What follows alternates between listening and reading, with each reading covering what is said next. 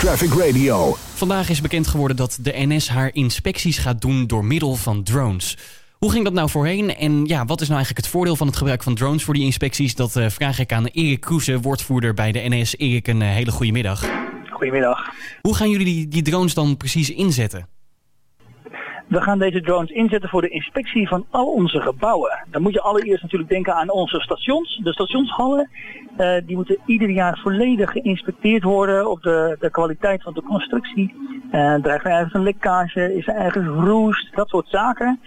Um, en daarnaast doen we dat ook bij, uh, bij andere gebouwen. We hebben loodsen, we hebben opslagplaatsen, plekken waar treinen gestald zijn.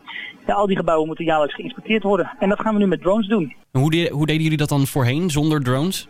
Nou, tot nu toe deden we het altijd met kranen, hoogwerkers en met stijgers. En je kunt je voorstellen om eerst een stijger in een stationshal te plaatsen, daar op te klimmen en dan metertje voor metertje en centimeter voor centimeter alles te inspecteren. Dat is enorm tijdrovend, is ook een hoop gedoe om te plaatsen.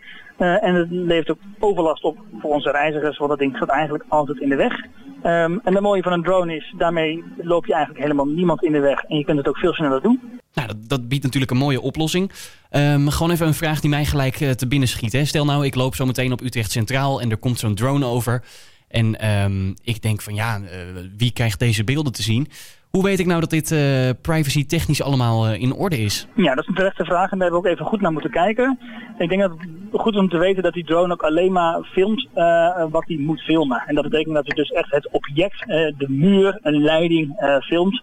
Om goed te kunnen zien hoe de leidingen lopen en of de naden nog goed zijn en dat soort zaken. Dus hij, hij, hij filmt niet vliegend door de stationshal. Dat is één. Twee is dat wij ook borden plaatsen, dat mensen weten er worden hier met drones inspectievluchten uitgevoerd en daarmee wordt gefilmd. En tot slot, mocht er dan per abuis door zo'n drone toch in de opname een reiziger te zien zijn, omdat daar door de dronepiloot een klein foutje is gemaakt, dan worden die uh, uh, beelden gelijk geblurred, zodat de, mijn collega's die uh, die beelden gebruiken voor de inspecties dat niet kunnen zien. Uh, we hebben dit ook laten toetsen bij onze privacy officer die wij hebben, die de regelgeving toeziet.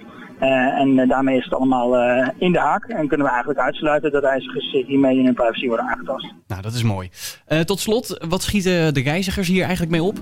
Nou, wat de reiziger hiermee opschiet is eigenlijk gewoon minder overlast van, van hekwerken en van stellages en van kranen. Die dingen stonden eigenlijk altijd in de weg. De ene keer wat meer dan de andere keer.